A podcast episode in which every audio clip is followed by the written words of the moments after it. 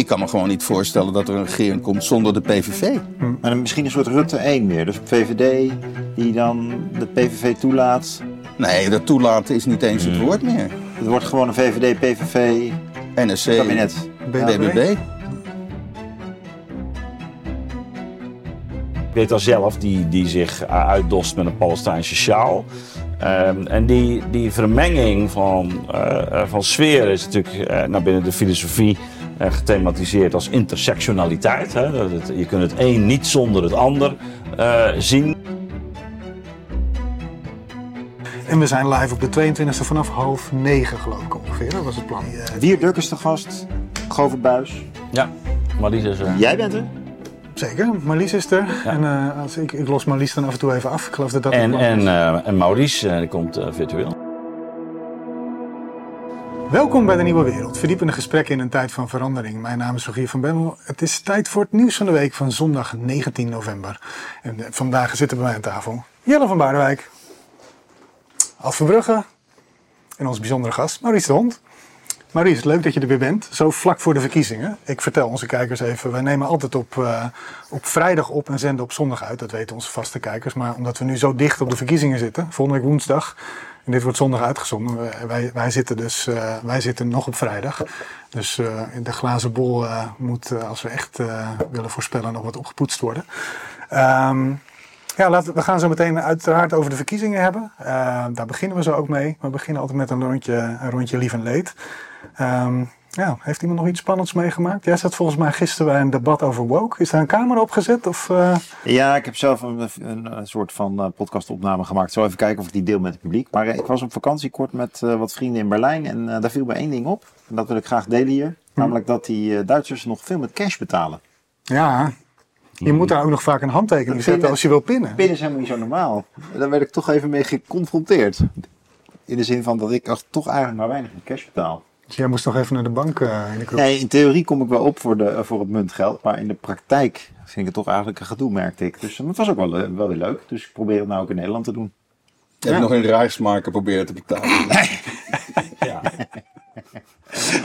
Die kan je in een steentje ook kopen daar, net als eh, brokjes van de muur. Maar ik, het, het- dit is, je, het is wel een belangrijk punt natuurlijk. Die banken, we gaan straks misschien nog wel even over ING hebben. Als je tegenwoordig geld wil opnemen, als je cash wil opnemen, moet je daar vaak als een, van, boven een bepaald volume, moet je een heel aanvraagformulier waar het voor is en eh, qua, qua eh, witwas eh en compliance-achtige. Zoveel wilde ik niet opnemen, maar inderdaad.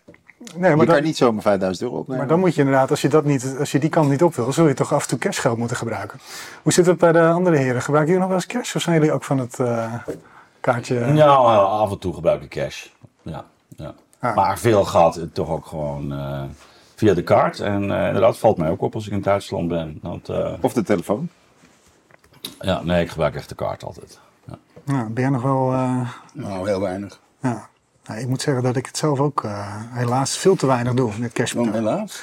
Nou ja, ik- het, het, het, als je dat cashsysteem levend wil houden, hè, als we het niet gebruiken, wordt het, eh, wordt het nog makkelijker voor ze om te zeggen: doe alles maar digitaal. Maar dat is Ja, ook meer traceerbaar. Het enige probleem wat ik heb met dat, dat ik niet cash heb, is als ik de Albert Heijn uitloop, dat er iemand er staat die ik af en toe wel geld zou willen Kan ik geven. pinnen, zeg je dan? Kan ik pinnen? Ja. Dus, dus ik moet af en toe wissel ik om te zorgen dat zo iemand Ja. die buiten staat iets krijgt. Ja. Nou, ik vind wel dat je eh, cashgeld iets minder makkelijk uitgeeft. Dat je meer eh besef hebt van dat je grote bedragen uitgeeft. Hm. En ik vind ook dat het rekenen is ook wel leuk. Hè? Dus dan iets betalen. Even, hoeveel is dat nou? Je bent wel- dring, doordrongen van dat je geld aan het uitgeven bent. Bij je kaart is het toch bliep. En zeker als je kinderen probeert te leren op te rekenen en zo, Hm. is het ook nog wel. Ja, zo, zo disciplineerde ik mijzelf in mijn studententijd. Ik ging wekelijks een bedrag ophalen. Dat was toen nog ophalen natuurlijk. En, nou, dan eh, moest ik daar de week mee eh, door zien te komen. Ophalen in de zin van er was geen pinautomaat hoor. Nee, natuurlijk niet. Ging, Niet naar de bank. ging naar het loket. Ja, is oké. Er zijn heel wat relaties ontstaan op die manier volgens mij. Kijk, ik werd ook altijd heel goed ge- eh, geholpen door mevrouw de Pauw. Ja, een persoonlijke band mee. En natuurlijk sluit je daar dan ook je hypotheek af. En ze kennen je allemaal. Nou, dat is dat bekende. Ken je klanten. Dat, maar daar hebben ze nu een hele eh, afdelingen met duizenden mensen voor nodig. Om, om te kijken wie, wie ze nou eigenlijk als klant hebben. Ja. Ze moeten gewoon die betaalautomaat mevrouw de Pauw noemen. En Ja, dan heb je toch weer een band. Nou ja, goed. mijn zorg met dat hele kerstverhaal is toch als, als niemand meer met cash betaalt, dan wordt alles digitaal traceerbaar. En dan wordt het ook heel aantrekkelijk voor de bank om te zeggen, nou we schaffen het maar af. Terwijl dat toch een manier is om... Oproep van Rogier. We gaan gewoon weer cash betalen. Nou Meer nee, cash Nou ja, graag discussie in prima. de comments. Graag discussie in de comments. Eh, maar ik zie dat jullie dat niet oppakken, dus dan eh, expliciteer ik dat gewoon. Nee, we nemen het Dus eh, op. de betaling voor mijn medewerking van 3000 euro. Wordt Ja. er echt cash uitbetaald. Nou, dat, we gaan naar de eindejaarsactie toe, dus zeg nou niet dat soort onwaarheden, dan, dan, dat, dat, dan wordt het nog allemaal moeilijker. 29 december. Ja. De jaarsactie, zeker. Oudejaarsuitzending ook, ja. Ja. Hey, Ad, ik zie bij jou een boek liggen. Een, eh, Ja, dat is eigenlijk mijn, mijn eh, goede nieuws van de week. Ja. Eh, deze week is ehm, dit boek uitgekomen. De liberale democratie onder vuur. Onder redactie van ehm, Theo de Wit en mijzelf. En ehm, ja, het is een bijzonder actueel thema. En eigenlijk allerlei ja, verschijnselen die wij nu tegenkomen... worden daar door verschillende auteurs vanuit... eh, ehm, ja, zogenoemde foute denkers. Dus denkers die eigenlijk kritiek hebben geleverd in eh, de 20e eeuw, 19e eeuw. op eh, die liberale democratie. wordt eigenlijk belicht. En, en we gebruiken het ook om, ja, om eigenlijk vanuit onze eigen wereld. eens ook te reflecteren op wat voor schaduwzijde kent nou die liberale democratie. En hoe roept die democratie zelf ook weer eigenlijk eh, een dynamiek in het leven? En, en hoe zou je die kunnen beschrijven? En hoe hebben anderen daarover nagedacht in, in het verleden? En, en dat daar, ehm, ja, die, het is een, een, een bundel die hoogst actueel is. Dus eh, de thematiek van Rusland komt voorbij, maar ook de macht van het geld. eh, ja, en dat allemaal aan de hand van, van verschillende denkers. We gaan Spengler, hè? wel, eh, Dat is een stuk wat over Spengler. Spengler, maar, maar eh, dat is maar een klein, eh, toch, een, toch een kleine bijdrage. Eh, hele delen over, ehm over Schmid, over Barret, over Alexander Dugin, die ook wel als de inspirator van, van Poetin wordt gezien. Sioran. Ehm eh, Sioran, nou ja, het- het zijn- zijn zo. eh, overigens is, is eh Dugin natuurlijk nog steeds actief. Ja. En maar die wordt dan ook weer geïnspireerd door denkers. Dus, dus die lijnen worden eigenlijk getrokken. Maar daar gaan we nog een uitzending over maken, neem ik. ja, er is er alleen over gemarkt. En die, die verschijnt zelfs vandaag. En we gaan er ook nog wel eh, in de toekomst nog een paar eh, uitzendingen aan wijden. dus als, wijden. mensen dit zien Ja. en denken interessant, dan kunnen ze dus terugkijken wat er vandaag Ja, vrijdag is En eh, belangrijk in dit verband, eh, we hebben vrijdagavond 24 eh, november bij Atheneum in Amsterdam om half acht een eh, fysieke presentatie van het boek. Oh, mooi. En er Dus, zijn eh, nog, daar wil ik eh, ook iedereen eh, van harte voor uitnodigen. Eh, Atheneum, eh, half acht, vrijdagavond. Daar kunnen En, mensen gewoon, eh, gewoon naar binnen lopen? Of? Maar moeten, ze moeten zich even opgeven en dat kan hieronder met een link. Oké, Ja, top. dus, eh, en, en overigens, eh, dat is misschien een mooie opzetje. 22 november hebben we de verkiezingsavond. En daar zal Maurice ook een eh, bijdrage aan leveren. Virtueel aanwezig. Virtueel aanwezig zijn. Ja, want jij zit volgens mij die avond bij Geen Stijl. Ja, geen stijl. Wat ik doe is de totale uitslagenavond. Ja. En bij geen stijl doen we dan de uitslagen die binnenkomen. Het is wel een beetje traditie dat ik al sinds 2015 of 16 doe. Dat ik probeer, nadat de exit poll komt, dat is op zichzelf al een aanwijzing. Maar dan als de uitslagen binnenkomen, dat je per gemeente. Kijk, als er nu de gemeentes binnenkomen, dan weten we het patroon al. Namelijk D66 is een kwart van de vorige keer. Eh, de, V- eh, wat is CDA de helft van de vorige keer. En NSC van 0 groot en BBB van 1 groot. Dus de grafiek die je bij de NOS ziet, ziet er bij elke gemeente hetzelfde uit. Omdat de meest dominante. En dat, is dus, dat gaan wij dus niet doen. Wij gaan de cijfers afzetten tegen een soort wat ik, eh, schema. Dat is bij bijvoorbeeld 10 kilometer. Zeg je nou 400 meter moet je die tijd hebben, anders haal je dat niet. En wat we gaan doen, en dat hangt een beetje ook af eh, op de, van de laatste dagen. Dat we de voor, bij de vier grote partijen, de vier grootste, want de PVV begint die kant op te komen. Zeggen nou, laten we eens zeggen dat ze op het schema zitten voor om 25 zetels te halen. Bij elke gemeente weet ik dan hoeveel ieder van die partijen zou moeten halen om op dat schema te zitten. Zodat de referentie niet wordt die uitslag van 2021 die volledig irrelevant is. Maar de uitslag die, waar, waar die misschien naartoe tendeert. Zodat je per gemeente kan zeggen. Nou, deze geme- in deze gemeente scoren ze toch wel duidelijk boven dat schema. Dus ze tenderen nu naar 7, 28 zetels. Of de andere kant op. Dus jij maakt er echt een live wedstrijd van. Dat je Ja, maar dat is ook het leuke, want anders komt de gemeente binnen. Wat Ja. zegt Alkmaar me?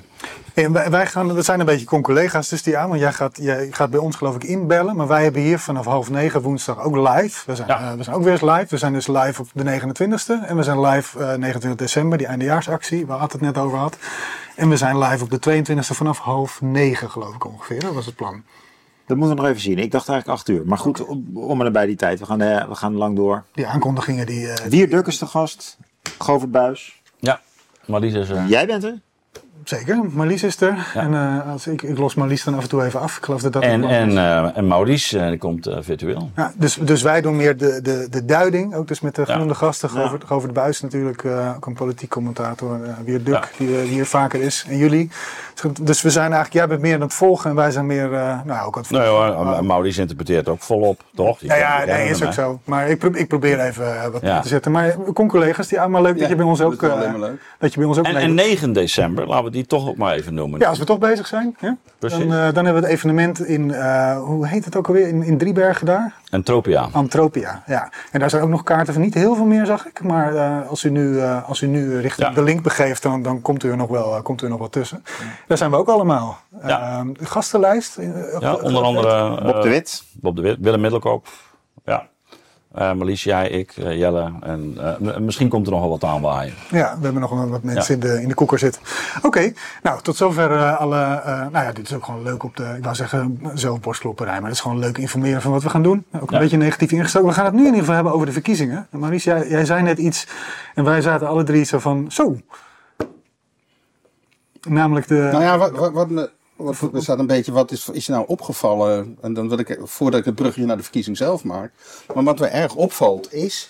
ehm, ik doe mijn peiling elke week. En dan zie ik bepaalde ontwikkelingen. En dan merk je dat de peilingen die door, de, eh, eh, door het één vandaag worden gebracht, of Khalid en Sophie, en in de grote media is, en peilingwijzer is een combinatie van die twee, dat ze een, een hetzij soms een totaal nog ander beeld geven, of achterlopen bij de ontwikkelingen. En dan heb ik het gevoel, ik leef in een soort parallele wereld. Ik heb het gevoel dat ik door mijn cijfers wekelijks, eh, die ik nu heb, zie wat er nu echt in die samenleving gebeurt. En bij, daar zie ik dan, of ik nou op één kijk, of naar Nieuwsuur, of naar Khalid en Sophie, of de Volkskrant commentaar lees, of NRC. Dan heb ik het gevoel dat de, de kern van wat zich aan het afspelen is in de samenleving totaal niet eh, goed te onderkennen. En die dus uiteindelijk in de komende dagen ook erg verrast gaan worden over wat er nu zich aan het afspelen is. En het lijkt ook een beetje, ja, het Maar, maar dat komt omdat ze jou niet meer uitnodigen. Maar zou het, zou, Nee, maar dat, dat is het ook. Ja, sorry dat ik het zo zeg. Maar dat Ja. komt ook zo, want eh, ik, ik probeer niet alleen do- doordat ik mijn een andere cijfers, methodiek. Cijfersmethodiek en de, het komt met name INO komt daarna wel ongeveer met dezelfde trend. Ik had vorige week zondagochtend was mijn resultaat dat NSC een terugvallen was en PVV in het opkomen. Nou, dat is woensdag door INO gezegd en pas dat moment dringt het een beetje door bij de rest, maar dan nog steeds eh, doorzien ze niet wat er nog verder aan het komen is en wat zich aan het afspelen is. En het is nu vrijdag, maar ik Heel, heel even voordat we daarop eh, Sorry. op doorgaan, want dan pakken we die zo op. Maar ik ben toch even benieuwd, je zegt ik word niet meer uitgenodigd, ik zit daar niet meer. Is dat dan iets waar je dan contact over hebt met redacteuren, ook die je kent, dat je zegt van nou dit jaar gaan we het toch niet doen? Of, want Nee, vroeger, wat er gewoon is, ik ben Je letterlijk... gebeld. je wordt gewoon genegeerd. Nee, Ik ben gecanceld. En ik, ik krijg nog achter de schermen nog wel eens iemand die contact met me opneemt. En ook best, ik ken diverse mensen die, als ik mijn peiling stuur, dat zijn 200 mensen die het krijgen, allerlei belangrijke politici en journalisten. En daar krijg ik achter de schermen wel, goh, jij was wel het eerste met die trend. Maar er is een soort eh, eh, cordon. cordon sanitair, waarbij dus bij die media zelf, nou ja, af en toe zegt Thomas van Groningen één keer mijn naam of zo. En bij Khalid en Sophie was, eh, was eh, hoe heet die, Ra eh, Raoul Heertje, die ongeveer met een soort walging mijn naam uitdru- eh, uitriep. Maar de cijfers en zo, dat wordt totaal niet. maar het gaat nog niet alleen om de cijfers van dit moment, maar vooral wat de potentie is en wat, wat je ziet aankomen. En Ja, wat wat, ik wat is er gaande? Laten we daarin duiken, Maurice. ja, wat ik al een tijd voorzien had, was het volgende. Eigenlijk is, we hebben een, een samenleving die steeds meer verrechts is. Dat, ook dat is heel moeilijk te onderkennen voor, eh, van mensen die eh, nou op één kijken of van BNN Vara zijn. of de Volkskrant lezen. Maar dat zijn de cijfers die ik ook wil laten zien. Nog maar een derde van de kiezers beschouwen zich links. En, meer, en 55 tot 60 procent. Maar is de samenleving nou van rechts of zijn de, Ja, linker, dus- zijn de linkse partijen gewoon niet Nee, met, mensen dingen die bezig? zichzelf plaatsen op de links-rechts Ja, ja, precies. plaatsen zichzelf veel meer naar de rechterkant dan 10 en 20 jaar geleden. Oké, zo definieer je. het. 20 jaar geleden was, waren er meer mensen die zichzelf links van het midden of midden of links plaatsten. En nu is het rechts. En dat komt ook denk ik wel door wat, wat die linkse partijen dan aan het doen zijn. Hè? Maar, Nee, we, de, de, de- nou, in, in principe misschien wel. Maar er is een belangrijk onderwerp wat door linkse partijen niet is opgepakt of slecht is opgepakt. Waardoor de mensen die, laat ik zeggen, in kwetsbare posities, die toch altijd ook traditioneel links stemden, zich op dat punt niet meer eh, vertegenwoordigd voelen. En dat is het onderwerp migratie. En alle gevolgen die er rondom die migratie liggen. En wat je dan ziet is dat eh, bijvoorbeeld een van de redenen waarom SP voortdurend is gedaald de afgelopen, ja, sinds eh, 2006, toen ze 24 zetels haalden, is omdat ze sociaal-economisch wel de dingen zeggen die een deel van hun potentiële aanhang eh, best nog wel graag wil. Maar het migratieaspect wordt niet door hen eh, angstvallig gemeden. En als je naar bijvoorbeeld naar de PVV kijkt, daar is het sociaal-economische verschilt echt niet zoveel van de, van de SP. Maar die adresseert dat migratie, eh, laat ik zeggen, en daarnaast op een hele cruwe manier over islam. Maar wat dus de keuze is geweest, blijkbaar, en dat kon je zien aankomen van Wilders, is vooral dat onderwerp downplayen. Dus een veel gematigde rol bij te gaan, gaan spelen. En op het migratieonderwerp gaan scoren. En wat je dus, alleen dat was een belangrijk punt. Wilders kwam niet op de tv nog. Want bij het, het debat bij, of het debat, maar in ieder geval bij College Tour, eh, zat hij niet bij. Toen was BBB wel, maar hij niet, want hij had nog nooit in College Tour gezeten. ja, en dat was heel logisch. Ja, dus dat is een ja. en de eerste keer dat hij in een debat zat, was op de radio. Maar ja, dan was het aantal luisteraars is uitermate beperkt. En vervolgens eh, kon, je voor, kon je begrijpen dat zodra hij op tv kwam, dat hij veel beter kon gaan scoren. Nou, hij was bij RTL afgelopen zondag ehm, in dat debat. Maar daar waren dus Timmermans en Omzicht niet. En met z'n zessen. Maar daar speelde die nieuwe rol. Op een bepaalde manier was hij heel verbindend over woningen. Waar hij op het eind zei, ja, dat we, ze, ze hebben eigenlijk allemaal ongeveer hetzelfde, laten we dan samenwerken enzovoort. En gisteravond, eh, dus donderdagavond, was dus dat SBS-debat. Waarbij, ja, dat is meer dan een miljoen kijkers. En het is het, laat ik zeggen, het kijkerspubliek van ook Vandaag in Site. En daar zag je gewoon dat hij de rest wegspeelde. En, eh, Hoe ten- dan? Hoe deed je dat dan? Ik heb dat niet gezien. nou, omdat ik bedoel, de recht- rest wegspeelde voor het publiek wat op dat moment keek. Zo moet ik het even goed formuleren. En dan merkte je dat hij, hij nam het meteen eh, ehm, het initiatief naar zich toe. En viel de, ja, op immigratie viel hij voortdurend ook eh, Timmermans aan. Ehm, en je zag, het liep, werd ook, er was één grappig moment, heel grappig moment. Op een gegeven moment zaten ze, t- ehm, eh, om zich zei expliciet, door die eh, rechtsstatelijkheid, punt. Omdat er nog in het verkiezingsprogramma dingen staan die, die niet stroken met de grondwet, zie ik niet in hoe ik met hem kan regeren. Ehm, en, maar, en eh, de VVD roept steeds, eh, bij ons telt iedere kiezer. Ik weet niet wat dat precies betekent ten opzichte van samenwerking. Maar ze sluit die samenwerking met PVV zeker niet uit. Maar toen kwam, eh, kwam eh, Dylan met eh, Fr- Frans ontzettend eh, aan het strijden. En toen zei om zich nou op een gegeven moment... Ja, ik denk toch kijk dat ik met, met, met Wilders beter kan gaan samenwerken. En die kwam toen achter de tafel langs en gaf elkaar een hand. Terwijl die anderen zaten te bekvechten. Dus je, en hij scoort voortdurend op het onderwerp... Wat voor een groot deel van midden- en rechtse eh, kiezers, en zeker de kiezers die zich dan met woningen een probleem zien of met geld een probleem zien, scoort hij op het migratieonderwerp. Dus je ziet hem bij de peiling van mei vorige week st- steeg hij naar 21 zetels. Was voor zelfs dat debat bij RTL. Eh, bij INO zat hij, was hij ook gestegen naar 20. Die zitten op wat lager. Ja, ik weet nu niet wat, ik, wat het zondag is. Maar het zou me echt niet verbazen als hij eh, in het weekend al boven de Partij van de Arbeid uitgekomen is. En dat betekent dat eh, dan dat, ook dat heb ik gezegd. Dat is eigenlijk de, de, de game changer voor deze verkiezingen. Want als dat, ehm, eh, dat gevoel bekender wordt, dan gaan. Want dat is het probleem bij deze verkiezingen. Er was nog geen tweestrijd van wie wordt de grootste. Want wat betekent het eigenlijk? Word je dan wel premier of niet? Maar nu zou het best kunnen gaan dat het in die laatste paar dagen meer gaat om. Wordt de PVV misschien wel de grootste en kunnen we dat misschien nog stoppen aan de linkserzijde? Zodat dat ineens het, het, het, het. Want PvdA GroenLinks staat er eigenlijk niet zo goed voor bij deze campagne. En mijn gevoel is dat hun campagne de laatste paar dagen is de enige manier om te zorgen dat de PVV niet de grootste is, om op ons te stemmen. Waardoor ze dan ook weer D66 wat leeg kunnen zuigen enzovoort. Dus die tweestrijd die er niet was, wordt, en het is een complexe strijd, want uh, de argumenten lopen allemaal wat door elkaar. Maar dit gaat, dus uh, migratie en wilders zal het kernpunt worden in de laatste paar dagen van de verkiezingen, waarbij er nog meerdere debatten komen, maandag en dinsdag. Nog los van het feit, en ja, dat hoop ik absoluut niet, dat er ook externe gebeurtenissen in Nederland kunnen zijn die nog een behoorlijke impact op die verkiezingen gaan hebben. Want dat is wat we, we niet hopen, maar ook niet echt benoemd wordt. Maar ik heb hem meerdere keren meegemaakt dat vlak voor de verkiezingen er iets gebeurde. Neem 77, uh, waar het expliciet gebeurde twee dagen voor de verkiezingen. Maar je kan je voorstellen. Dan, rond... dan moet je maar even me helpen. Ja. Toen, was, toen was ik er nog niet. Jelle okay, was er in 1977 waren de verkiezingen. Toen was het een oud premier. Dat was hele belangrijke verkiezingen.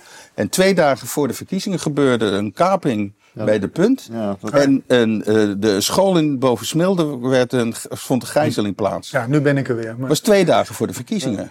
Nou, en wat ik zeg en wat ik, eh, wat ik vrees, wat ik dus absoluut niet hoop, is juist met de vele emoties rondom eh, de, de- Migratie. rond Gaza. Nou, maar kun je het misschien toch met die Sorry. punt nog heel even uitleggen wat de invloed op de verkiezingen toen is geweest concreet? Van wat? Nou, van die punt, van, van, eh, van, van die kaping van die trein. Wat, wat- Toen? Ja, maar- Nou, in de eerste plaats werd de campagne meteen stilgelegd. oh ja. En uiteindelijk was, ehm, ging, zag je dat de twee grootste partijen het meeste nog van profiteerden. Den Uyl werd de grootste met 54 zetels.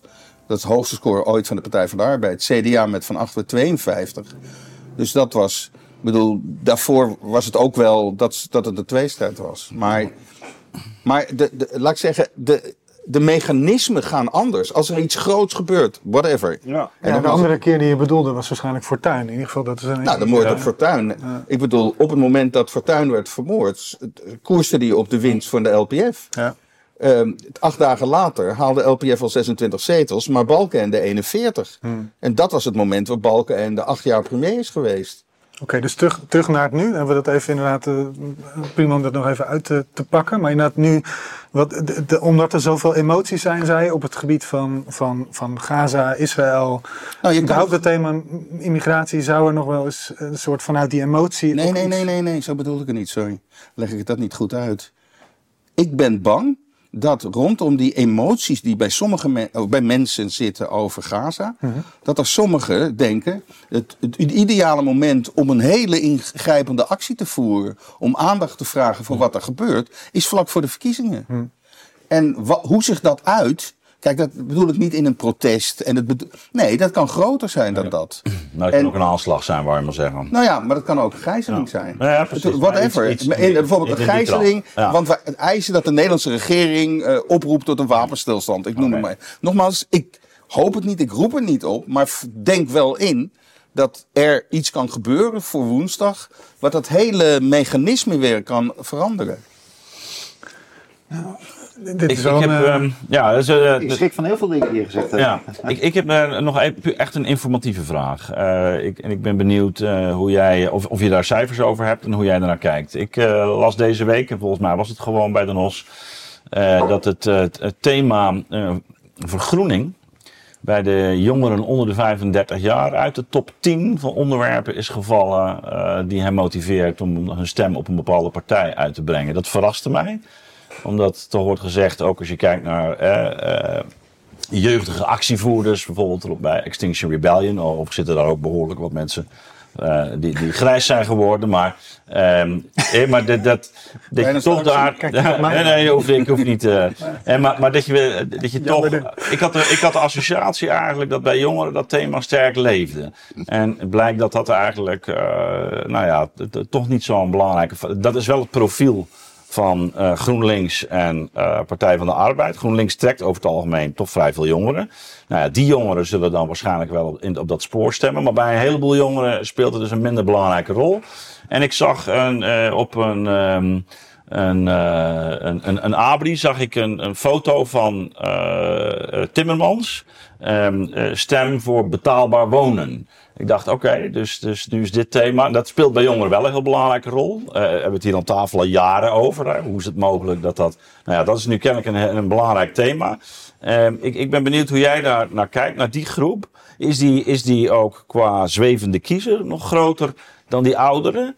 Ehm, eh, en en eh, ja, hoe zit dat met die thema's die, eh, die spelen? Ik, Nou, het kun je interesse- generatieverschil zien, zeg maar? Ja, nou, het- sowieso is het interessant. Ik heb vorige week op basis van vragen van mensen die ze hadden ingediend, heb ik 19 vragen gesteld. Een van Ja. de vragen was: voor de toekomst van Nederland is het belangrijker het migratieprobleem op te lossen dan het klimaatprobleem. Ja, nou, dit- is natuurlijk zo'n tegenstelling. Ja. Nou, eh, 65% was het ermee eens. Als je naar de partijen keek, was bij D66 en GroenLinks eh, en bij Volt en Partij van de Dieren 15% eens. Nee. Bij alle anderen was het 65 of meer. Dus dat is, dat is heel belangrijk voor hun profiel. Ja. ja. Maar wat je tegelijkertijd ziet, maar dat is mijn gevoel ook een beetje, dat terwijl, en dat, daar hadden we het net ook al een beetje over, daar had ik het ook bij SP, terwijl, laat ik zeggen, eh, eh, eh, wat is het, groen en rechtvaardig of zo, Ja. groen en, enzovoort, dat juist de, de linkerkant traditioneel vooral ging over bestaanszekerheid enzovoort, en het groene component erbij hebben, uiteindelijk hebben gepakt. Maar nu is eigenlijk dat groene component aan die kant overheersend. Ja. En dat andere hebben ze als het ware bijna weggegeven. Dat proberen ze nu wel terug te pakken, maar dat lukt ze bijna niet. En dan zie je dan ook nog, en als je dan naar, die, naar de, de, de jongste categorieën gaat, ja, die, die, de, de- het overgrote deel vindt groen best belangrijk. Eh, maar bij hun keuze is het niet de dominante factor in het dagelijkse bestaan. En als het dagelijks bestaan inderdaad is dat je een probleem met je woning, dat je die studieschuld hebt, Ja. die, eh, omdat je in de pechgeneratie zit enzovoort, dan zijn er allemaal veel dingen die veel dichter bij je zijn Ja, dan dat onderwerp. Als je inderdaad naar de media beeldvorming kijkt over de jongere generatie, krijg je inderdaad Ja. het idee dat, dat die allemaal, eh, dat we allemaal Ja, dus ik vond zeg maar, be- bezig zijn maar met, dat is- eh, maar- met groen, ja. groen, groen. Maar dat, als je Ja, maar dat is, hebt, ja, maar dat is niet precies wat ik bij het begin zei.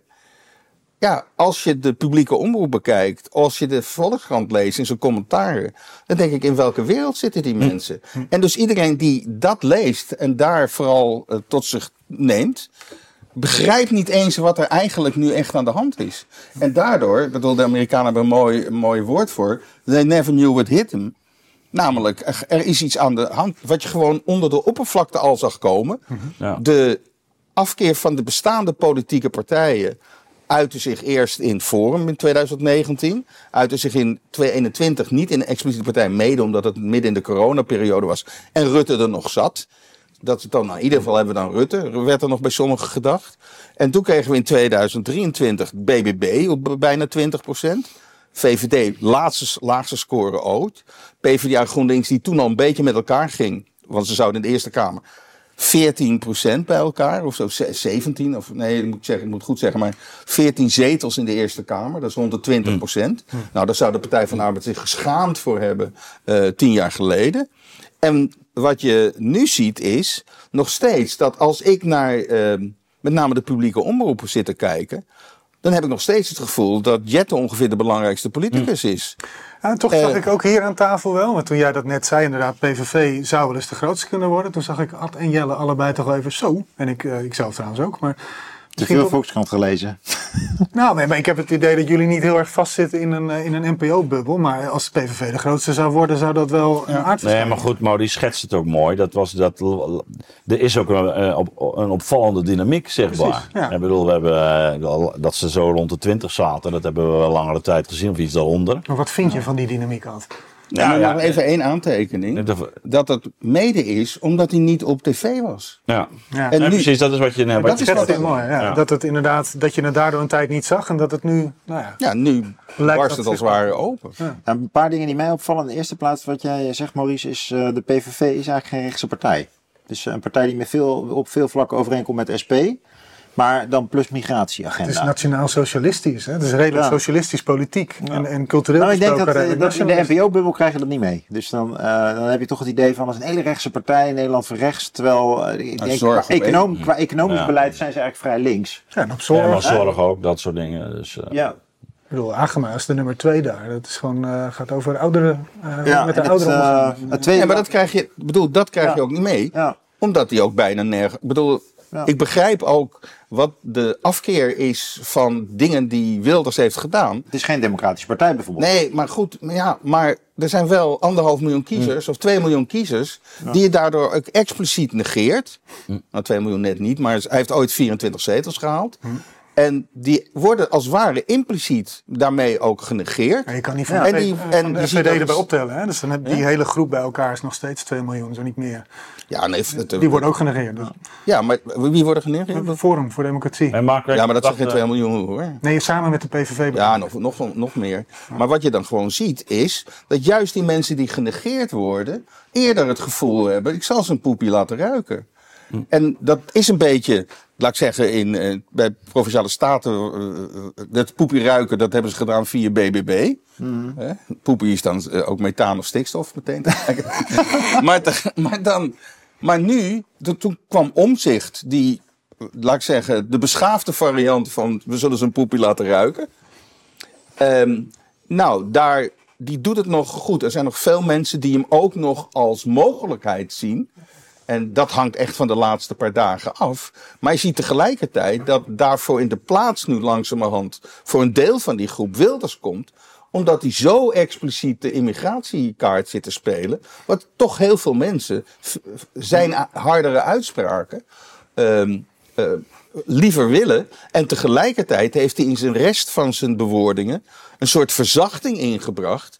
Waardoor de, laat ik zeggen, de mentale obstakel die hij eigenlijk had gelegd op dat punt, die is hij naar beneden aan het halen. Ja, en ik denk wat, wat belangrijk is, dat het thema van migratie is natuurlijk ook al wat langer, eh, in, eh, ook in de verkiezingsdebatten, van, ook van vorige keren wel een thema. Alleen eh, ook de, de, de ferme uitspraken van de VVD hadden nooit echt veel gevolgen.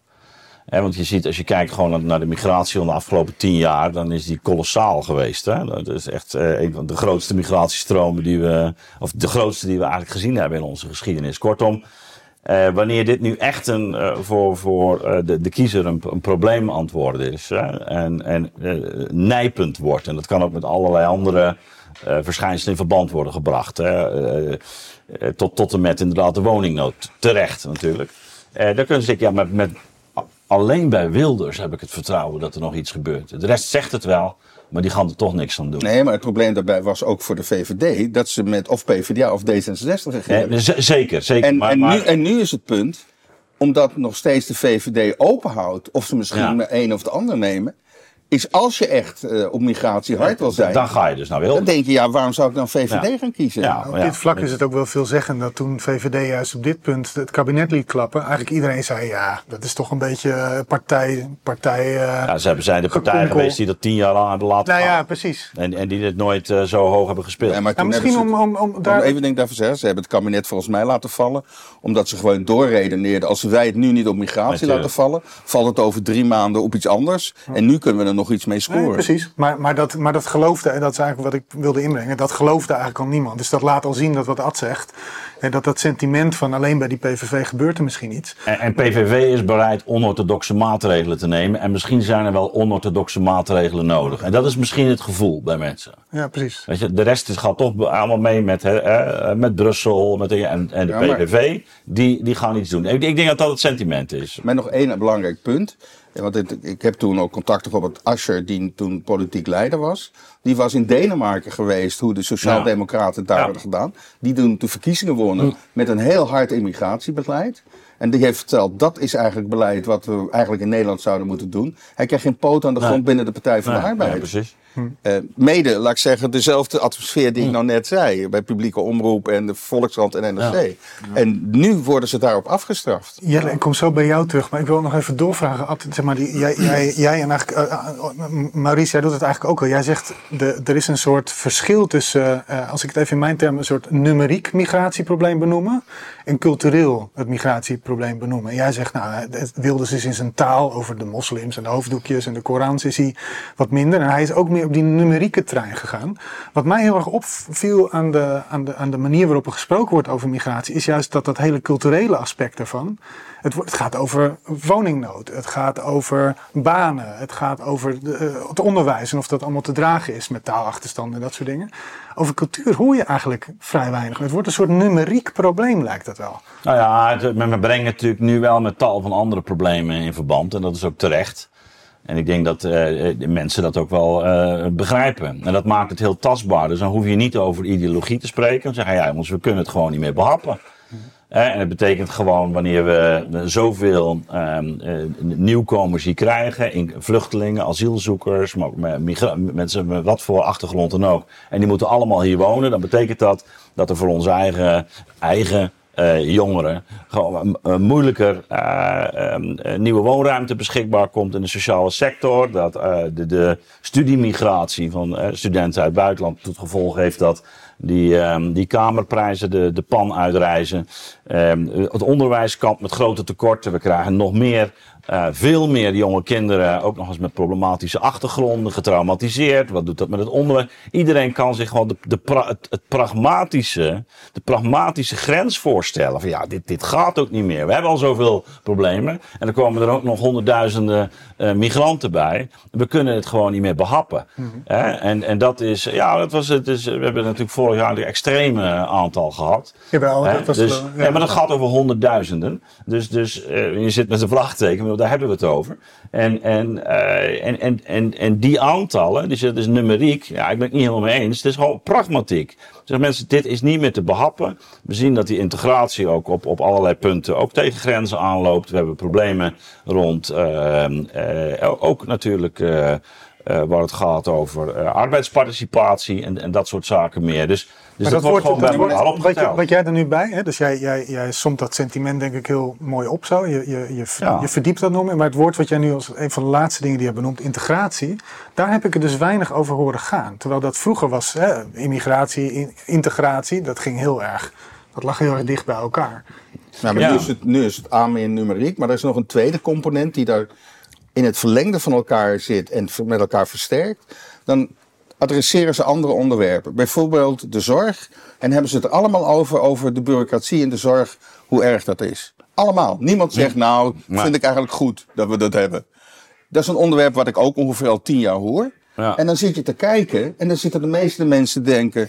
Ja, bureaucratie in de zorg, dat kunnen jullie toch regelen? En als jullie het allemaal mee eens zijn, waarom gebeurt het dat niet? Dus er is ook een soort gevoel van onmacht. Absoluut. Dat die politici de dingen die ze zeggen en nu toezeggen...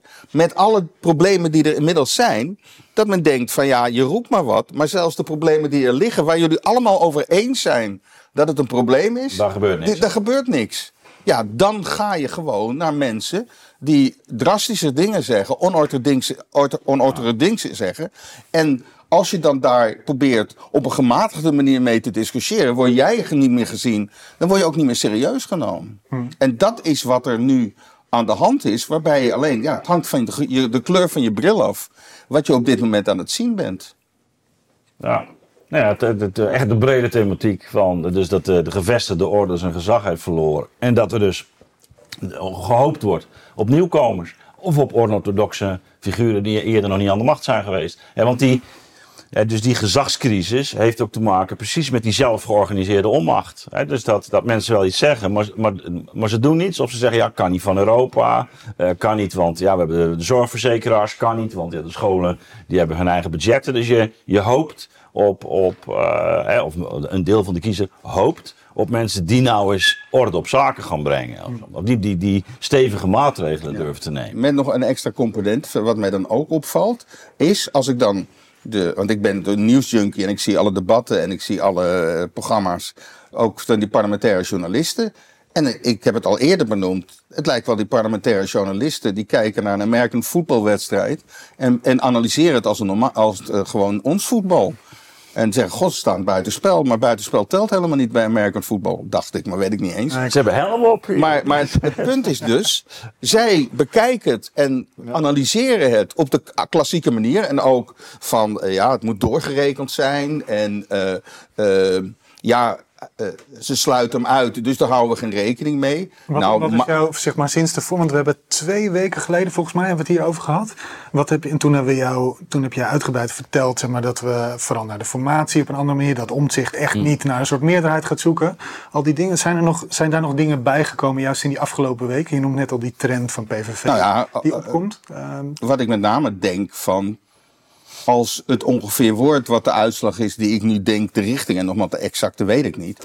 Ik kan me gewoon niet voorstellen dat er een regering komt zonder de PVV. Maar dan misschien een soort Rutte 1 weer. Dus VVD die dan de PVV toelaat. Nee, dat toelaten is niet eens het woord meer. Het wordt gewoon een VVD, PVV NSC, kabinet. BBB. BBB. Ja. En misschien als, als ze het cijfermatig halen, maar dat weet ik niet. Hangt Met, ook met af. Wilders als pre- premier. Nee, wil ik niet premier. Natuurlijk niet. Maar ik heb ook steeds nou ja, gezegd. als hij de grootste partij Nee, ik heb ook al, nee, maar niet eens of hij de grootste partij is. Ik heb steeds gezegd, er komt een kabinet waar geen van de lijsttrekkers premier van wordt.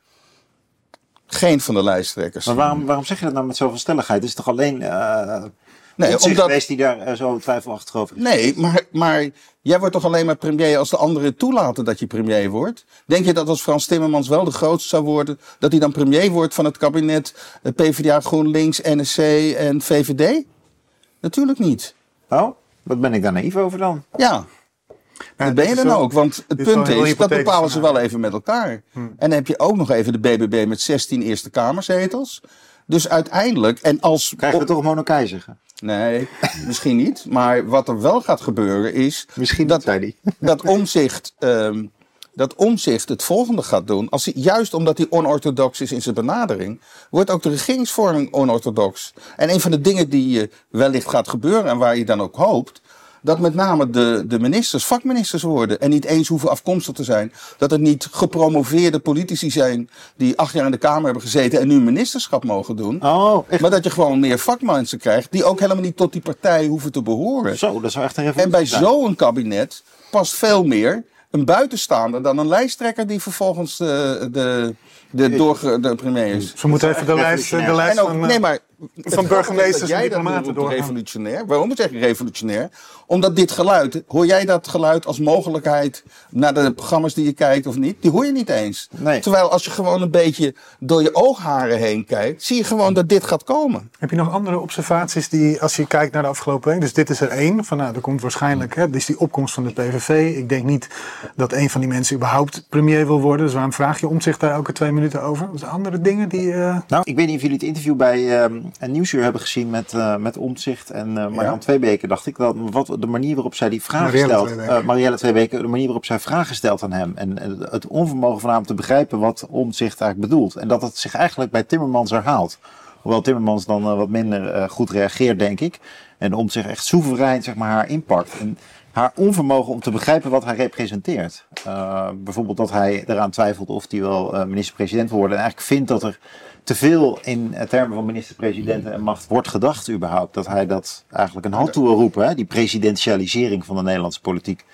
Eh, Dan, mer- dan merk je dus ook dat die media zelf ook niet meer, aan- die politici zelf, die, die, die hebben niet meer het gevoel dat ze hun verhaal kwijt kunnen. Bij eigenlijk het praatprogramma van Nederland. Ja, maar dat is, dat is precies wat ik dan net zeg. Daarom zeg ik het ook. Want, eh, illustratie. want je, je merkt dat, je, dat er op de klassieke manier wordt gedaan. Nou, er werd gewoon van tafel gespeeld door Ja, omzicht. Ze begrepen het helemaal niet. Nee, ze begrepen het helemaal niet. Maar als je dan doordenkt, alleen hij gaat dat niet zo expliciet uiten. Hij gaat ongetwijfeld, als hij in die formatie zit, niet op de traditionele manier formeren. Dus als je niet traditioneel formeert, ga je dat op veel meer op een aantal inhoudsaspecten en op de kwaliteit van je bewindsvoerders. Ik bedoel, wat iedereen zegt, die vuilbrief zou eigenlijk eh, moet, moeten blijven omdat hij zo goed is. Nou, dat gaat vuilbrief nu niet ja zeggen. Maar ik sluit absoluut niet uit als deze niet in de regering zit, dat vuilbrief gewoon in de regering komt. En waarom niet? Dat zou voor het land het beste zijn. Ik denk dat iedereen zegt, prima. En dat is meer de beweging die gaat komen. En dat is wel een andere bestuurscultuur. En dat is iets waar Omtzigt uh, erg voor is. Alleen, hij werkt het niet zo uit. Omdat zodra hij het uitwerkt, krijgt hij de, de journalisten... die uh, alleen nog maar met, die naar, naar het verleden kijken... en roepen, ja, maar kom nou, of meerderheid, of dingen, of dat. Maar het, het worden historische verkiezingen met een historische uitslag. En daarna met een historische formatie. Hm.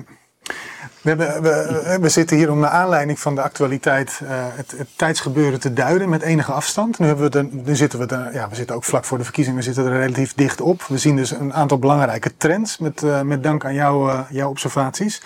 Als we, we hebben net al iets meer afstand genomen van wat is dat nou voor sentiment in de samenleving. Je zoekt een sterke man, je zoekt iemand die, dat, die dan toch ondanks al die, uh, nou ja, al die vastgelopen bureaucratie zeg maar, iets kan, uh, kan bewerkstelligen. Mm. Um, wat... dat, is, is, een spanning hè, overigens nu. Hè? Want uh, dus, de, dus die sterke man, dat is juist weer personalisering. Dus ik, ik, ik, ik, dus ja. ik vraag me af wat er gaat gebeuren. Hè? Dus ik, ik, ik zie wel wat Maurice zegt. Tegelijkertijd is, is dat heel duidelijk, je stemt op omzicht. Je, de, de, je stemt op omzicht. En, en zo is ook. Uh, en dat geldt natuurlijk ook voor Timmermans. Dus die, dat persoonlijke blijft absoluut erin zitten. Alleen wat, wat nu het bijzonder is, is dat omzicht het spel aan het veranderen is. En, maar waar het op uitdraait, dat weten we nog niet. Dus dat is een. Uh, want het is, het is juist. De, de, uh, je, je, kan omzicht. Ja, dat, die kun je ook niet meer in een, in een, in een categorie van een levensbeschouwing duidelijk plaatsen hooguit, die man heeft een weg afgelegd waarin hij een strijd heeft gevoerd tegen uh, een, een, een overheid die haar kerntaak verwaarloost, een, een rechtsstaat uitholt. en dat, en daar, daar verdient hij nu heel veel krediet op. En mensen zien dat hij ook deskundig is, dat hij, dat hij, maar, maar ja, wat dat betekent daarna is nog wel spannend hoor. Ik, ik, ik, ik, ik, ik denk ook dat het verloop echt, echt uh, ook van de, laten zeggen, de komende jaren heel spannend wordt. Ja. Ja. Maar waar, waar hint je op? Nou, dit, is ook maar de vraag is. Uh, hè, dus in, in, principe gaat het hier wel degelijk om. Het gaat niet om bestuurscultuur. Het gaat hier echt om een hele culturele verandering van, van Nederland. Het gaat over media. Het gaat over uh, wat er op scholen gebeurt, op universiteiten. Als je al die agenda's die, die uh, Omtzigt bijvoorbeeld nu voorstaat. Ja, dan, dan zul je toch die instituties ook mee moeten krijgen. En, dat, wordt, en, en dat, dat wordt nog wel een hele grote opgave. Ja. ja. dus... ja, en kijk, omdat die ideologieën eigenlijk niet duidelijk zijn, ook van zelfs van de Timmermans niet, eh, wordt die persoon ook alleen maar belangrijk. Absoluut. En als de wereld er niet mee verandert, ja, dan komt het dan toch weer op de persoonlijke Ja, en, en, en dan moet de, de persoon... En dat is eigenlijk dus ook gek, dat, dat viel mij ook tegen aan het programma van NSC en trouwens ook van BBB. Dus dat, het is, het, het is ook puntsgewijs, is toch het gehele verhaal van Nederland ontbreekt toch nog wel.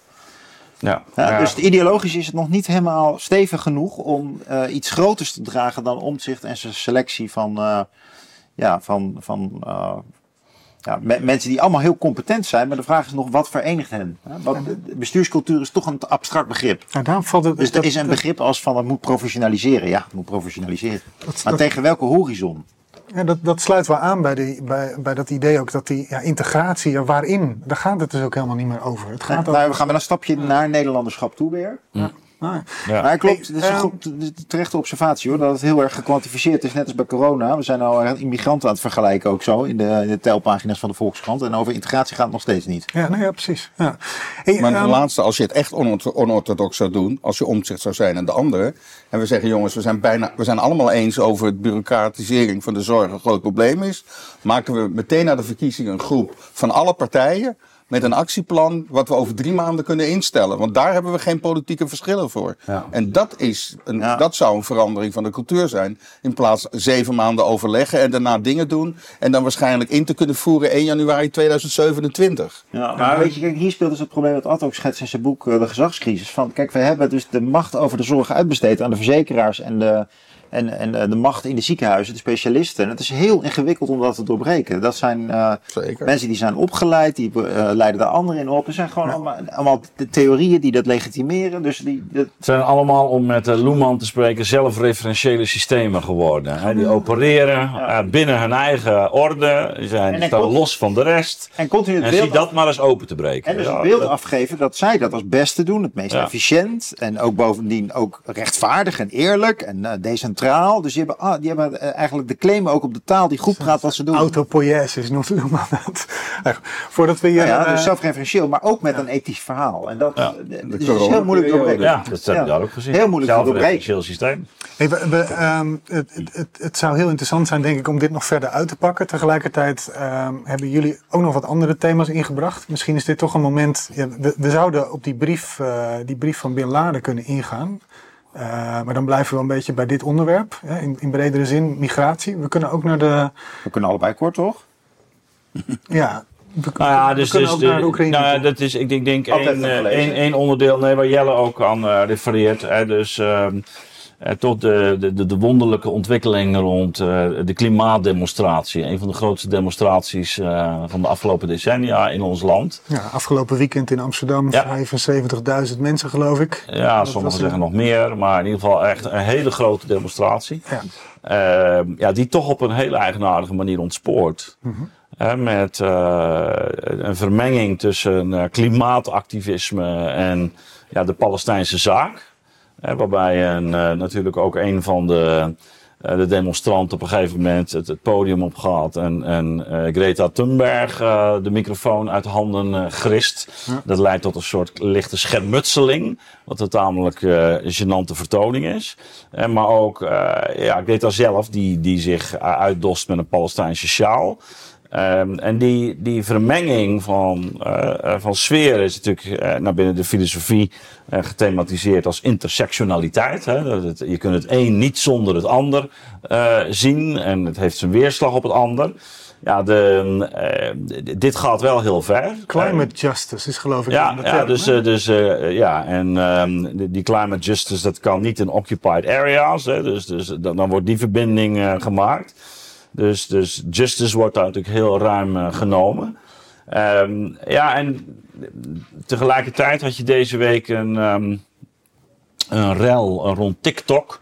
Waar eh, plotseling een, ehm, een, een hype ontstond eh, rond het, ja, eigenlijk het, het viral gaan van een brief van Osama Bin Laden uit 2002. Althans vermeend, want het is de, de, de, de, de echtheid ervan wordt ook betwist. Het kan ook door een ander zijn geschreven, maar hij wordt toegedicht aan eh, Osama Bin Laden.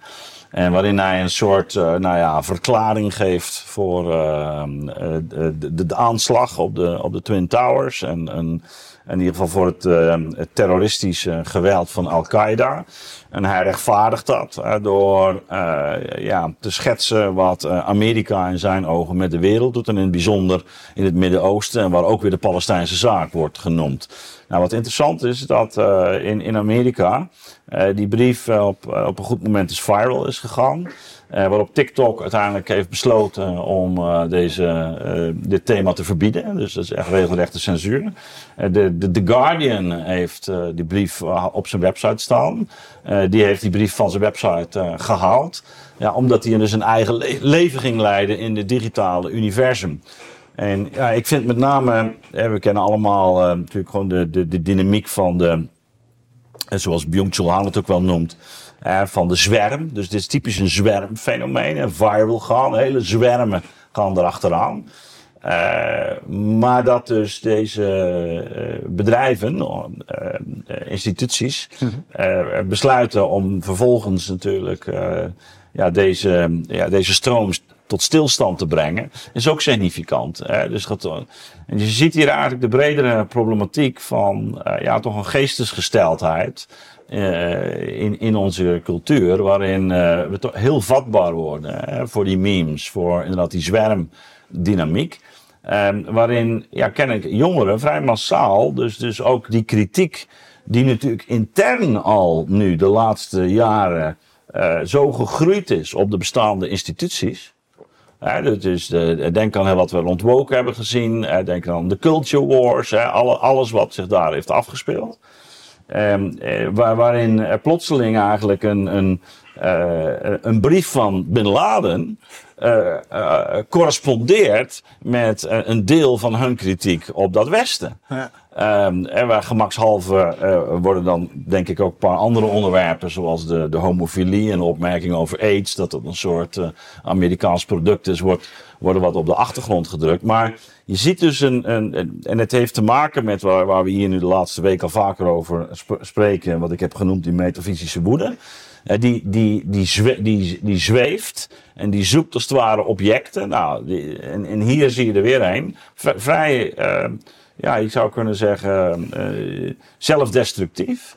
Dus dat, dat je nota bene, dus een, eh, eh, nou ja, een, een, een voorman en een gezicht van een eh, terroristische organisatie, plots, plotseling eigenlijk, omarmd als, als jeugd.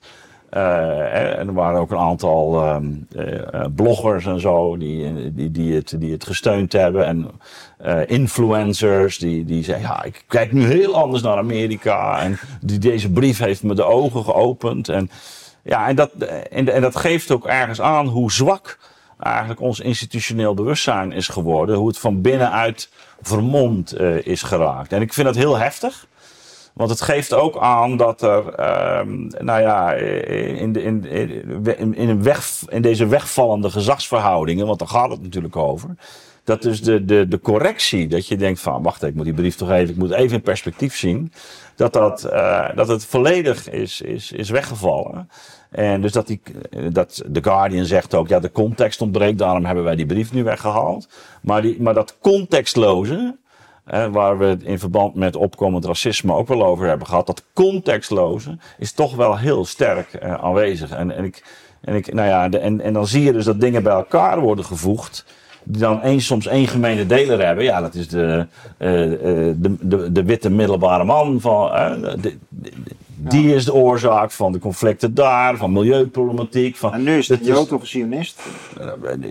wat ook, maar je gaat dus alles verbinden, aan elkaar knopen. En eh, ja, ik denk dat dat een. eh, te tegelijkertijd is dat natuurlijk een hele. Ook voor die beweging zelf heel destructief. Eh, want dat, dit, dit, het wordt dan één soep waar je in terecht komt. En, dus ik denk dat, en dat is wat nu zichtbaar wordt. Hè, dus dat, dit gaat ook hen natuurlijk. eh, eh, in dit geval de klimaatactivisten. eh, gaat dat ook echt wel in, in een moeilijk vaarwater eh, brengen. Een mooie duiding. Dus je, begint eigenlijk bij dat, bij dat, dus dat, dat, dat, dat fenomeen dat die klimaatbeweging dan ook andere dingen in zich opneemt. En dat dat een soort zwermachtig samenspel wordt van klimaat, van identiteit, van de rol van Amerika als onderdrukker, als witte. Ja, Ja, je krijgt dus weer zondebokken, die hebben het allemaal gedaan. Eh, hè, dat kan die, eh, eventueel Nu is het Israël. de- ja, of Israël en de blanken, en, eh, of de witte, of hoe je het ook allemaal wil noemen. En dat wordt dan één pot nat. Terwijl dat En- ook de LHBTQI plus 2L Maar dat is- één kleine die- erbij dan. Dat is die notie van Ja. die intersectionaliteit. Hè? Ja. Dus die, die, die- dat is een theoretisch raamwerk dat eigenlijk zegt... je moet op zoek naar onderdrukkende mechanismen. En die zijn langs de as van eh, geslacht, huidskleur, dat is allebei heel belangrijk. Ja. Maar ook dus macht en geld. Hè? En de Israël is natuurlijk wel, heeft ook een aantal van die eigenschappen. Hè? Het is eigenlijk een wit land, eh, heel machtig en heel rijk. Ja, en dat loopt dus door daar- al die onderwerpen Daar, daarom is het meteen eigenlijk a priori al een, een, een mogelijk projectiescherm... om eh, te zeggen dat je er het slachtoffer van bent. Strikt genomen deed Marx dat al in zijn bovenbouwanalyse. Hè? Want die kan zeggen, is, dus, dan is rechtsstaat, eh, wetenschap, moraal en kunst, allemaal intersectioneel. Ja. En, en want dat, is de, dat zijn niet meer van de, de, de, Van de macht. van het kapitaal.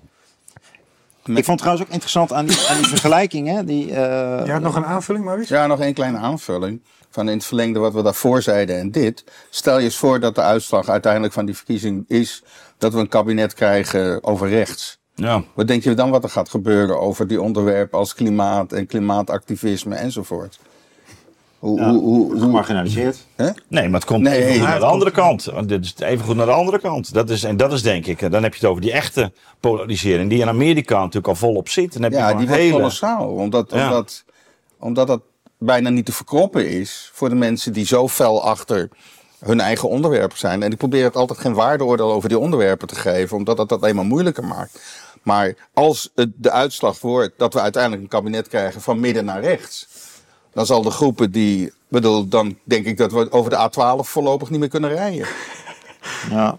Ik heb gisteren trouwens zo'n eh, demonstratie gezien met eh, From the River to the Sea eh, op Utrecht Centraal. En ik schrok er wel van, moet ik zeggen. En, de, de heftigheid en de muziek en Maar ja, goed, uh, de, de, dat, dat, die vergelijking met uh, 9-11 die wordt vaker gemaakt. Hè? Dus je, je haalt die brief van Osama Bin Laden aan, maar in, in die sferen, hè? In, die, in die intersectionele kritiek woke sferen, dus waarin nu ook weer gek genoeg dus de moslim-Nederlander zich weer verbonden weet met, met de progressieve uh, ja. linkse en de forum uh, kiezer. Dus een rare mix van mensen die je daar ook ziet demonstreren. Voor een deel dus zag je ze ook op corona. Voor een deel is het een vorm van XR-demonstratie. Het is gigantisch. Hè? Er zijn heel veel demonstraties. En gisteren waren op ieder station in Nederland van dat soort demonstraties. Maar wat mij opviel is dat uh, die vergelijking met 9-11, dus dat men ook zegt dat Israël nu reageert op Gaza zoals Amerika toen op Irak mm. reageerde.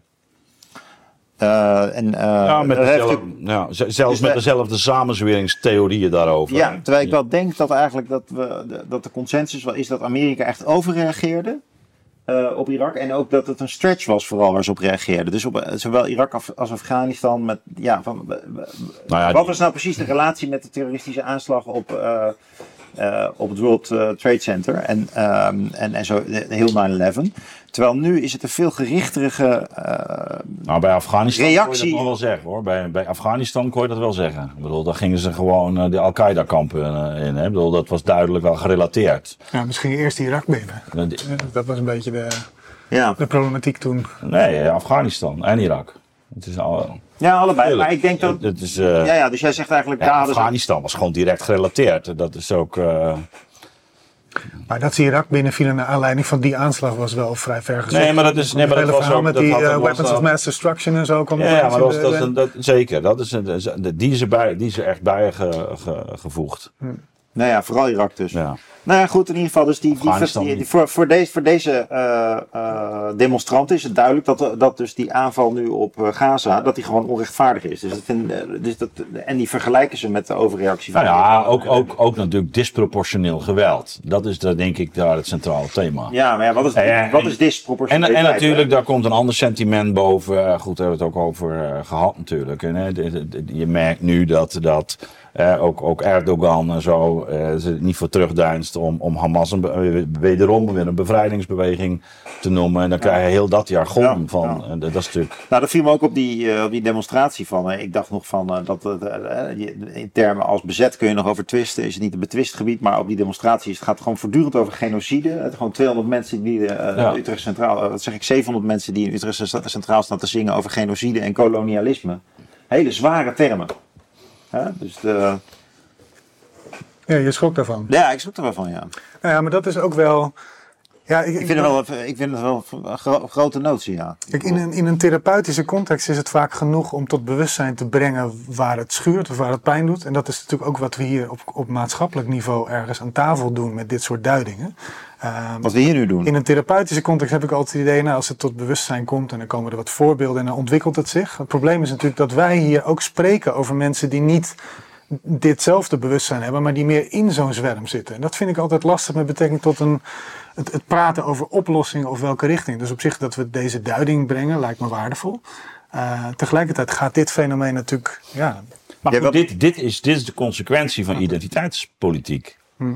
dus dus uh, je zou uh, normaal gesproken in een liberaal democratie. Dit is natuurlijk helemaal thematiek van liberaal democratie ondervoerd. Dit, dit is wat, wat Carl Schmitt in, ook wel de intensivering noemt. Dus op, op het moment dat die, die, die nationale staat zwakker wordt, dus die, dan uh, beginnen zich eigenlijk andere groepsdynamieken uh, te openbaren. Mm -hmm. en dat is wat uh, Castel zelf heeft, helemaal heeft gethematiseerd in de jaren negentig. Je weet, ik, ik, ik vind hem vooral zo goed omdat hij zo visionair was. maar dat hij zegt, ja, die, die, die, die global, dat globaliseringsnetwerk geeft wel allerlei als de, aan de consument voordelen. En, maar organiseert eigenlijk een functionaliteit waarin jouw identiteit eigenlijk niet meer in een, in een bepaald beroep zit of in een bepaalde activiteit. En, en dan krijg je de grotere verhalen die nodig zijn. Nou, dit is, een, dit is typisch een voorbeeld. Dus je gaat bijvoorbeeld naar religie of je construeert een, een, een, een nationalisme of een etniciteit. Dat kan ook Catalonië zijn, of, maar het kan ook islam zijn, een islamgemeenschap, een Umma-idee, of het kan uh, wat ook maar zijn. Het kan ook het Nederlanderschap zijn, wat je als een soort abstracte identiteit gaat, uh, gaat om, om, omhelzen. En ik denk dat dit, dus je ziet hier Eh, bij de, trouwens ook bij de, heel de woke en LGHBTQ zie je het ook. Identiteiten die, die, die worden gepolitiseerd en die worden geïntensiveerd. Dus je ziet, je zou eigenlijk zeggen, ja, als je in een land leeft, jongens, het is vreselijk wat er in, in Israël gebeurt. Hè? We hebben het hier ook gezegd, het is tragisch. Maar wij moeten hier met elkaar uh, een, zo goed mogelijk leven opbouwen. Wij hebben onze problemen. Wij, wij hebben onze. En laten we die gezamenlijk oplossen. Maar dat, daar is, een, daar is een, een bewustzijn van burgerschap voor nodig. Dat je zegt: oké, okay, we primair burger hier. Maar wat nu gebeurt hè, met die ontgrenzing van digitalisering, met die zwakker wordende nationale identiteiten. En, en eh, krijg je dus collectieven en collectivisme. Hè, ik, ik onderscheid dat scherp ook van, van gemeenschapsverbanden. Uh, Collectivisme, die, die ook, ook zwermachtige gedaanten aan kunnen nemen. En waarin je rond issues uh, eigenlijk wereldwijde uh, concties krijgt. En identiteiten die niet meer aan een plaats zitten, niet meer aan een politieke gemeenschap, maar gewoon ja, grenzeloos zijn. En dan is het conflict tussen Israël en Palestijnen is ook gewoon in Nederland uh, in jouw beleving helemaal aanwezig. En je identificeert, terwijl je zegt, kijk naar je leefwereld, kijk naar je eigen tuintje. Zorg gewoon hoe je dat zo goed mogelijk uh, ik volg, aanharkt. Ik volg, ik volg maar dat is, hoor. Ja. Het, de andere kant is natuurlijk, die, veel, die mensen zijn echt letterlijk in hun families vaak in, in Nederland verbonden Zeker. aan Gaza. Hè? Zeker. Dus, dus, dus, dus, nou, je nu schetst, is het ook weer niet. Dat maar, wordt ook bij die, maar de gedeelde nee. factor is natuurlijk wel dat je nee, dus maar, die, die, die, die identiteit zit niet in de wortel van uh, van werk meer, maar inderdaad eerder in familie en die verbeelding via TikTok en zo. En maar dan kom je toch via familie wel degelijk ook uh, ja, nee, bij die Palestijnen uit. Ik denk dat die. Dat, zeker, kijk maar in Amerika. Dat is ook belangrijk om te onderkennen. Dus dat absoluut. Nee, we hebben een, veel, een grote moslimbevolking en die voelt zich echt dus letterlijk verbonden. Ja, dus niet maar alleen er zijn, maar virtueel. Even voor de duidelijkheid, er zijn heel veel niet-Palestijnen die demonstreren.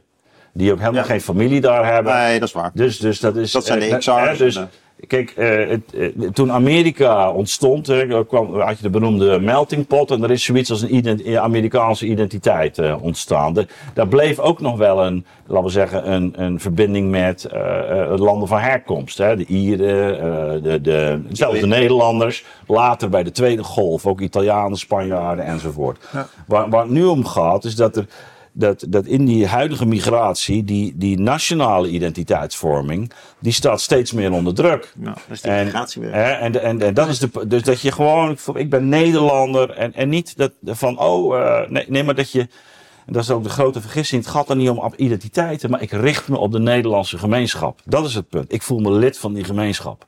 Ja, en niet van ik, ik, ik, ik gedraag me al hetzelfde en ik vier Sinterklaas of zo. Dat zijn allemaal uitingsvormen van, van eh, laten we zeggen, eh, gedragspatronen die overeenkomen. Dat, is, dat kun je ook wel zeggen. Maar primair is, je lid van een bepaalde gemeenschap waarin je, waarin je jezelf eh, herkent.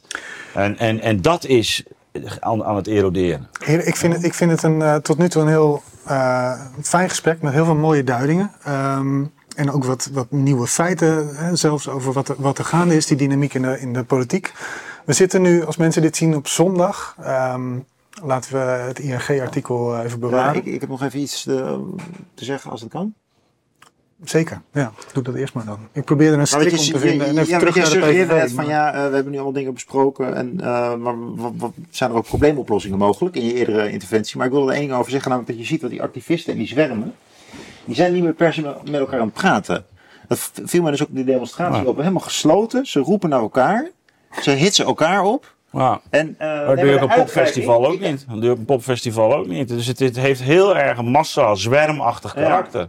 Je hoeft niet een diepe verbondenheid te hebben. Je, Ja. je zit in dezelfde beleving. Ja, en dat is wel, dat wat proberen we hier natuurlijk wel te doen. Eh, ook, ook trouwens met gasten, eh, ook in relatie tot het Palestina-Israël vraagstuk, hebben we Ja, mensen mooi. van beide zijden gehad. Van dus de, volgens mij is het verschil met wat wij doen nog wel de verbindenis en de dialoog aan proberen te gaan. Ik moet er ook best moeite voor doen en verdraagzaam voor zijn, dat geef ik onmiddellijk toe. Maar volgens Ja, mij is hebben ook wel eens leuke gesprekken. Hè? ja, maar is, is, is ondertussen dus zitten we in een culturele fase waarin het voeren van de dialoog Ja. dus waar weer een soort traditionele oplossing is van beschaving en Nederlanderschap. Want je ziet dat die activisten eigenlijk, eh, die vinden dat heel moeilijk. We hebben er zelf ook wel eens mee geflirt rond corona, maar toen kan ik me toch ook herinneren dat het veel uitnodigender was Eh, mensen proberen te overtuigen, proberen te luisteren, wat anderen te zeggen hebben. En dat vind ik wel een, een aspect van die, van die zwerm. Absoluut. Van die zwermen, dat, dat, dat benoemde jij nog net, net niet zo, maar dat, Ja, dat, dat beeld valt van me, het- mooi me heel beeld- erg op. Dus mooi dat- beeld van het popconcert en de demonstratie. Ja. En dat die Ja. hetzelfde identitaire karakter hebben. Van dit is mijn, ik Ja. zing mee met dit lied. Ja, En dan ben dat is ik- ook het vluchtige hè, wat je Ja. meteen hebt. Ja. En, en dat het een uitje is. Nee, ik, ik heb nog één slot over de verkiezingen aanstaande woensdag. ja, daar wil ik ook nog even naar terug inderdaad. Wat, eh, Oké. wat is je observatie? Eh, de weersverwachting is heel slecht. Dus als het de hele dag regent, dan grijpt het klimaat zelf in op, op de uitslag. Ja, welke invloed heeft dat dan? Ja, precies. Dat weet je dan niet, want het hangt ook, hangt ook een beetje, het is ook lokaal en wat je vaak hebt. Maar dat was vroeger zo, dat mensen die de hele dag werkten, doorgaans na de middag pas naar het stembureau gingen. Terwijl de mensen die niet werken, kunnen de hele dag naar het stembureau gaan. Dus als net het moment waarop je eh, naar het stembureau wil, en dat was pas na zes en dan krijg je een hoosbui. Dan is dat een beetje een kans dat dan wat minder mensen komen. Maar dat is meer. werkende... Dat Ja, dat, werkende- is, dat, die, dat verschilt heel goed. Maar de, verwacht, de weersverwachting is heel slecht. Ah, ja. Mooi. Ja, eerder, we, hadden, we hadden net nog even. eh, dus, nou, Maurice, Maurice zegt die, die trend gaat die kant op PVV. Ehm, Ja, dan nogmaals, het kan, op, dat, het kan nog alle kanten gaan. Ja. Maar dat de Wilders en de PVV een grote invloed gaat hebben op de laatste fase van de verkiezingen. En ook bij de uitslag, dat is zeker. En dat komt dus door die migratietaboes. En taboe om te spreken over migratie. En niet zozeer door nu het Israël. Nee, dat, dat, nee, dat, dat speelt daar bij, bij nee, amper daar een rol. Ja. Dat kan hooguit een rol spelen bij de uitslag van bij 1 en Denk. Wij, wij hebben hier een tijdje geleden de belangrijke thema's van de verkiezing. Daar zat immigratie bij, daar zat stad-land bij, daar zat eh, Nederland-Europa bij, daar zat Wonen. AI bij. Wonen zat er toen niet bij, maar dat is ook een belangrijk thema. Ehm, die thema's zijn in welke. Immigratie wordt nu dus heel belangrijk. Zien jullie die andere thema's ook nog belangrijk zijn? Wat willen we mensen meegeven die gaan stemmen? We willen uiteraard, lijkt mij, oproepen: ga allemaal, hè, doe mee aan het democratisch proces. Hebben jullie nog een soort stichtende boodschap richting woensdag? Want woensdagavond zitten we om het een en ander, te evalueren, maar voor die tijd spreken, spreken we niet meer. Nou, we staan wel. We staan toch ook wel een beetje boven de politiek. Dus. Nou, Nou, je kunt toch een bepaald thema of iets wel. Ik bedoel, Nou ja, Ik thema's zijn bekend. eh, Probeer voor eh, Nederland te stemmen en voor goed onderwijs bijvoorbeeld. precies. Voor mij is, blij- is en blijft onderwijs heel belangrijk. En tot mijn spijt moet ik zeggen dat het toch bij veel partijen, ook nieuwkomers, toch nog wat een ondergeschoven kindje is. Nou, en wat ik zou zeggen, probeer bij je uiteindelijke stem niet een speelbal te zijn van je gevoel van precies op dat moment. Want dat kan drie dagen daarvoor en drie dagen daarna weer heel anders zijn. Wat vind je eigenlijk van het, eh, van het strategisch stemmen tot slot? Van dit jaar? Ja, maar dat speelt nu veel minder een rol, omdat de consequenties van de uitslag geen rol speelt. Nee, behalve. Kijk, als jij, als jij zegt nu dat PVV heel groot kan worden, dan. Nee, dan kan, kunnen mensen strategisch stemmen om te zorgen dat Wilders. eh, niet dat eh, wordt. Timmermans het toch nog wordt. Maar ja, de positie van Timmermans is momenteel niet zo verschrikkelijk sterk. Plus dat zelfs als hij de grootste wordt, weet je nog niet wat. Dan is het meer een emotioneel gevoel, maar ik wil niet dat Wilders de grootste wordt. Maar ik, de, consequentie van de uitslag, de, strijd is veel minder duidelijk dit keer dan bij andere verkiezingen. En dus zou. Ik denk dat dit keer minder strategisch gestemd gaat worden dan eh, bij andere verkiezingen vroeger. Nou, bij de Eerste Kamerverkiezing was het heel duidelijk, toch? Strategisch stemmen. Dat mensen dachten, we laten zijn poepje ruiken. Oh, als je dat strategisch stemmen noemt. Maar zo. Nou ja, je stemt op een partij omdat die dan het grootste wordt en die kan dan zand in de wielen eh, strooien. ja, maar dat Maar is- niet omdat je per se met alles eens bent. strategisch. Nou, en uiteindelijk. Ja. Die, die Ja, ze moeten er echt uit. Oké. We moeten er echt uit. Ja. Oké, heren, ehm, daarmee gaan we inderdaad afronden. Allemaal heel erg bedankt voor de, voor de vele mooie duidingen. Ehm, ja, succes met de, de laatste loodjes voor de verkiezingen.